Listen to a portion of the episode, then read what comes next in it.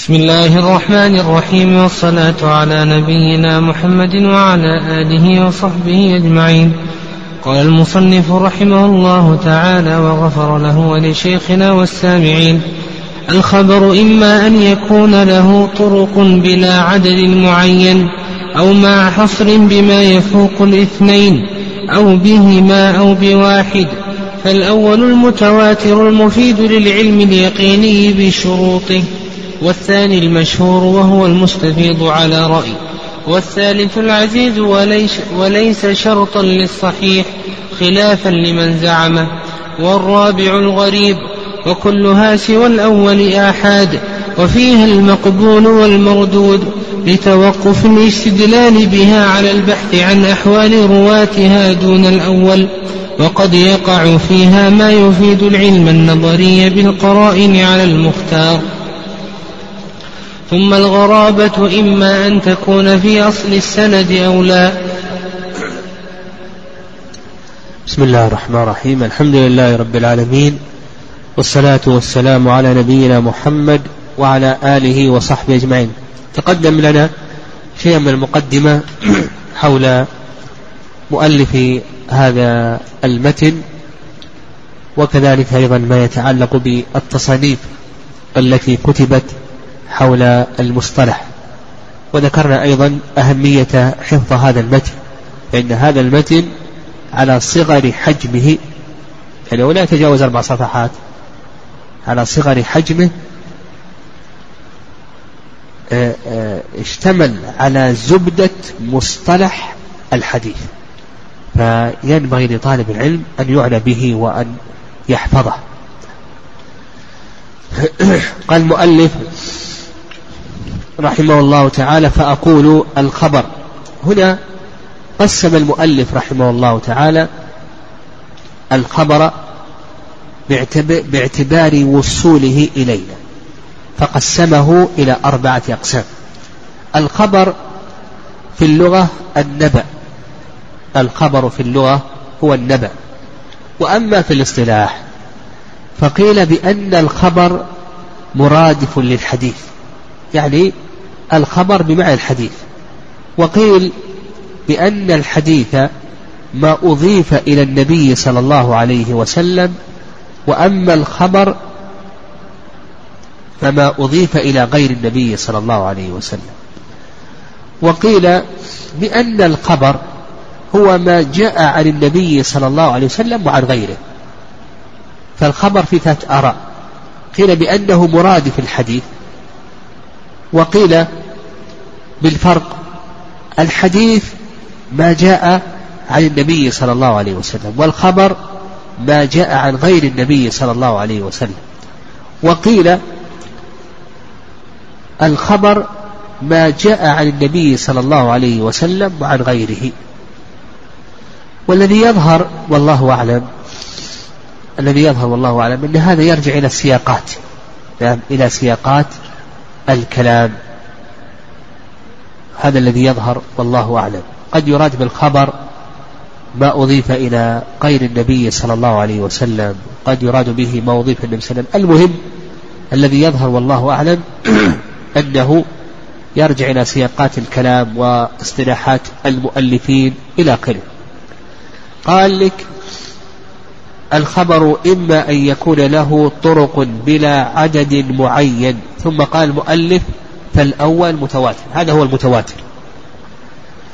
المتواتر في اللغة والتواتر في اللغة التتابع. نعم التواتر في اللغة التتابع. وأما في الاصطلاح فهو ما رواه عدد كثير يستحيل تواطؤهم على الكذب. يقول ما رواه عدد كثير يستحيل تواطؤهم على الكذب.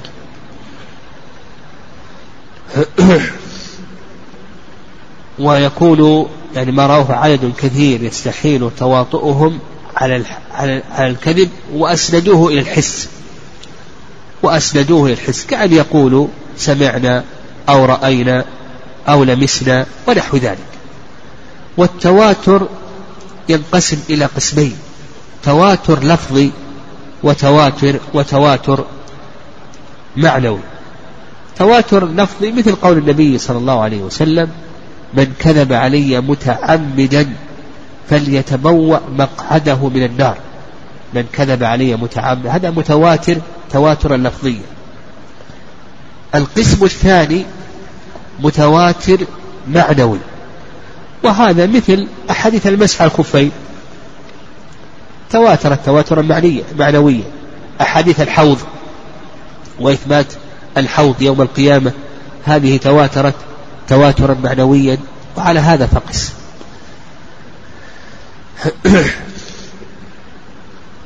يقول المؤلف رحمه الله فالأول المتواتر المفيد للعلم اليقيني بشروطه.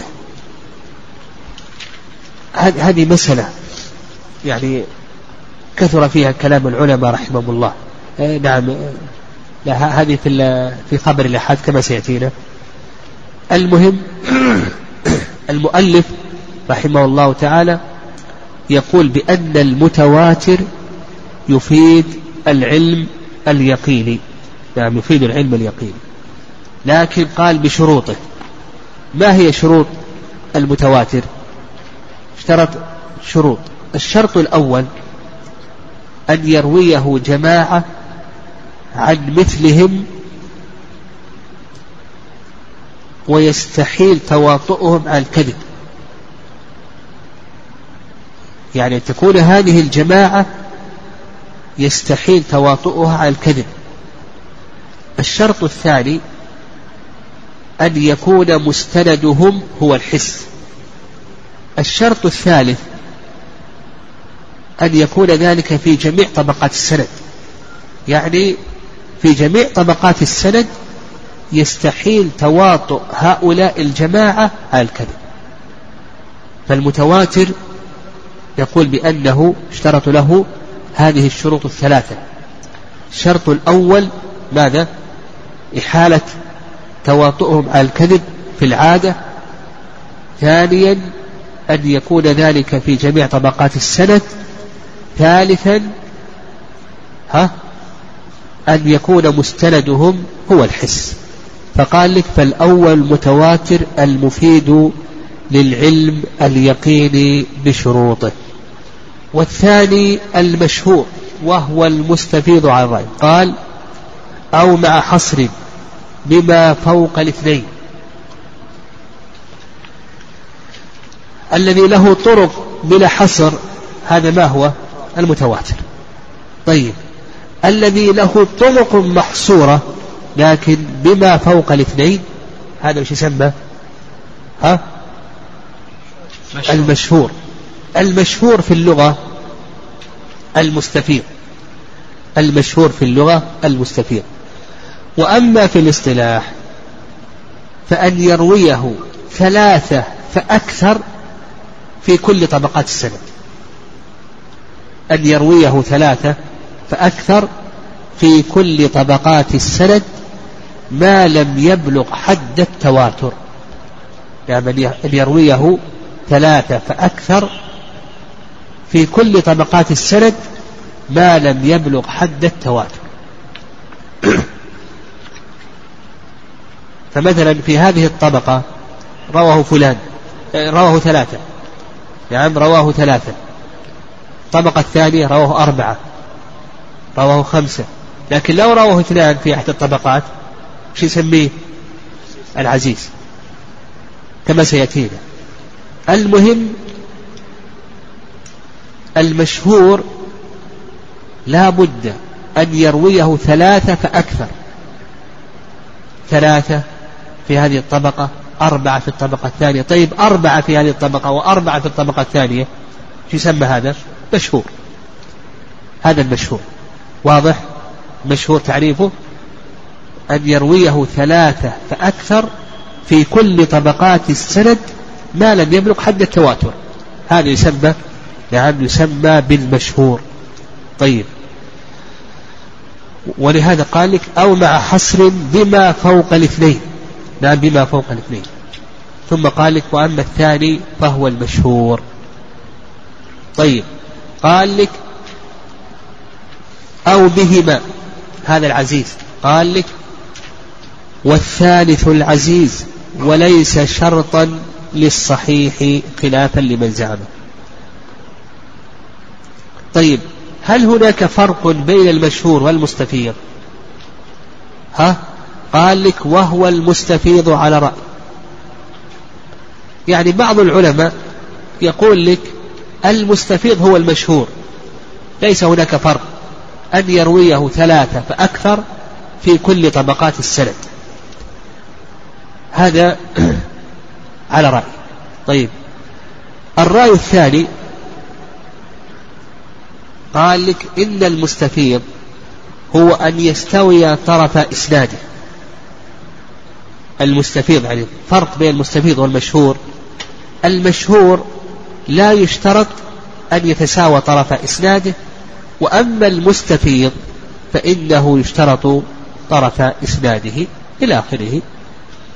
وعلى كل حال يعني مثل هذا المهم نحن هذه اصطلاحات ذكرها العلماء رحمهم الله تعالى.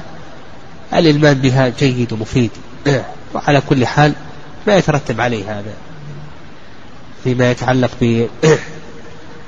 بقبول الحديث ورد الحديث إلى آخره. قال أو بهما. والثالث العزيز. العزيز في اللغة مأخوذ من العزة وهي لغة تطلق على القلة والندرة. يقال هذا شيء عزيز أي قليل ونادر. وأما في الاصطلاح يعني أما في الاصطلاح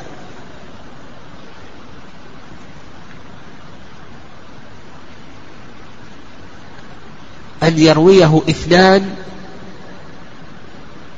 في إحدى طبقات السند ولا يقل عن اثنين في جميع طبقات السند. العزيز أن يرويه اثنان في إحدى طبقات السند ولا يقل عن اثنين في جميع طبقات السند لو قل عن اثنين في إحدى طبقات السند يسميه ماذا؟ يسميه الغريب. يعني يسمى بالغريب. فالعزيز أن يرويه اثنان في إحدى طبقات السند ولا يقل في جميع طبقات السند عن اثنين. فهذا يسمى يعني يسمى بالعزيز. ومن أمثلته قول النبي صلى الله عليه وسلم لا يؤمن أحدكم حتى أكون أحب إليه من ولده ووالده والناس أجمعين. يعني قول النبي صلى الله عليه وسلم لا يؤمن أحدكم حتى أكون أحب إليه من ولده ووالده والناس أجمعين حيث أبي هريرة رضي الله تعالى عنه. قال وليس شرطا للصحيح خلافا لمن زعمه. يعني ليس من شروط الصحيح يعني ليس من شروط الحديث الصحيح أن يكون عزيزا. فإن من الأحاديث الصحيحة ما يكون قريبا. ليس من شروط الحديث الصحيح أن يكون عزيزا بل من الغريب ما هو صحيح.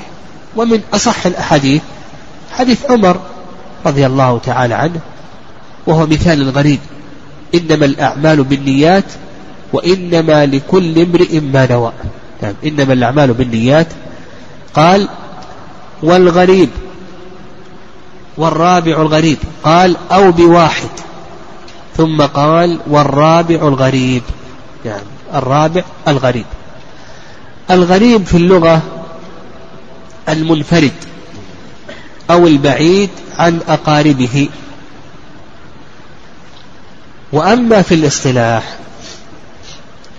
فهو أن ينفرد بروايته واحد ولو في بعض الطبقات يعني في بعض طبقات السند ينفرد بروايته راو واحد أن ينفرد بروايته راو واحد ولو في بعض طبقات السند فإذا وجد في بعض طبقات السند حديث لم يروه إلا هذا الشخص فنقول بأنه ماذا؟ ها؟ غريب فنلخص الكلام. المتواتر أن يرويه جماعة يستحيل تواطؤهم على الكذب وأسندوه إلى شيء محسوس وأما المشهور وقيل بأنه مرادف للمستفيض فالمشهور أن يرويه ثلاثة فأكثر في كل طبقات السند. والعزيز أن يرويه اثنان في بعض طبقات السند ولا تقل رواته عن اثنين في جميع طبقات السند. يعني في بعض طبقات السند يرويه اثنان لكن لا يوجد طبقة يرويه واحد. فإذا رواه اثنان في هذه الطبقة في الطبقة الثانية ثلاثة وفي الرابعة أربعة وهكذا فهو عزيز. الغريب أن يرويه واحد أن يرويه راو واحد في بعض طبقات السند. في بعض طبقات السند يرويه راو واحد. فنقول بأن هذا قريب. قال المؤلف رحمه الله تعالى وكلها سوى الأول آحاد وفيها المقبول والمردود. كما تقدم ابن حجر رحمه الله تعالى من حيث إفادة العلم يعني من حيث إفادة الخبر للعلم أنه ينقسم إلى قسمين القسم الأول خبر يفيد العلم اليقيني وهو المتواتر. المتواتر هذا يفيد العلم اليقيني. القسم الثاني خبر موضع خلاف بين العلماء رحمهم الله. هل يفيد العلم أو لا يفيد العلم؟ وهو بقية الأقسام التي ذكر. خبر الآحاد. ويدخل في ذلك المشهور والعزيز والغريب. خبر الآحاد سواء كان مشهورا أو عزيزا أو غريبا هذا موضع خلاف بين أهل العلم رحمهم الله. هل يفيد العلم أو لا يفيد العلم. للعلماء رحمهم الله في ذلك آراء. الرأي الأول أن خبر الآحاد يفيد العلم. وهذا انتصر له بالحزم رحمه الله تعالى. وكذلك أيضا آه ابن القيم رحمه الله تعالى. يعني نجزم بصحة هذا الخبر. وكذلك أيضا نصره النووي رحمه الله تعالى. القسم الثاني نعم القسم الثاني أو الرأي الثاني أن خبر الآحاد لا يفيد العلم وإنما يفيد الظن فقط. الرأي الثالث ما ذكره الحافظ بن حجر رحمه الله ما اختاره الحافظ بن حجر رحمه الله تعالى وهو أنه يفيد العلم إذا دلت القرائن على ذلك. يعني أن المرجع في ذلك إلى القرائن. فإذا دلت القرائن على إفادته للعلم فنقول بأنه يفيد العلم وإلا فلا ينام فلا. فالأرى في خبر الآحاد هل يفيد العلم أو لا يفيد العلم؟ فيه ثلاثة آراء. ومن القرائن من القرائن إخراج الشيخين يعني البخاري ومسلم لهذا الحديث. فإخراج الشيخين لهذا الحديث هذه قرينة على أن هذا الحديث ثابت لأن الأمة تلقت هذين الكتابين بالقبول ومن القرائن أيضا كثرة طرق الحديث وسلامتها من الشذوذ والعلة إلى آخره وكذلك أيضا من القرائن كون الأئمة يشتركون في إخراج هذا الحديث هذه قرينة على إفادة هذا الخبر للعلم. قال رحمه الله وكلها سوى الأول آحاد وفيها المقبول والمردود لتوقف الاستدلال بها على البحث عن أحوال رواتها دون الأول. وقد يقع فيها ما يفيد العلم النظري بالقرائن على المختار. فالخلاصة في ذلك أن الحافظ رحمه الله قسم الخبر من حيث إفادة العلم إلى قسمين. القسم الأول خبر يفيد العلم اليقيني وهو المتواتر والقسم الثاني خبر لا يفيد العلم إلا على حسب القرائن وهو خبر الآحاد ويدخل في ذلك آه، المشهور والعزيز والغريب إلى آخره. قال لك ثم الغرابة إما أن تكون في أصل السند أو لا يعني أن الغرابة في الحديث إما أن تكون في أصل السند يعني أن ينفرد برواية هذا الحديث شخص واحد في أصل سنده. كحديث عمر رضي الله تعالى عنه إنما الأعمال بالنيات انفرد بروايته عمر رضي الله تعالى عنه. وقد تكون الغرابة في أثناء السند. يعني في إحدى طبقات السند ينفرد برواية هذا الحديث شخص واحد. والله أعلم.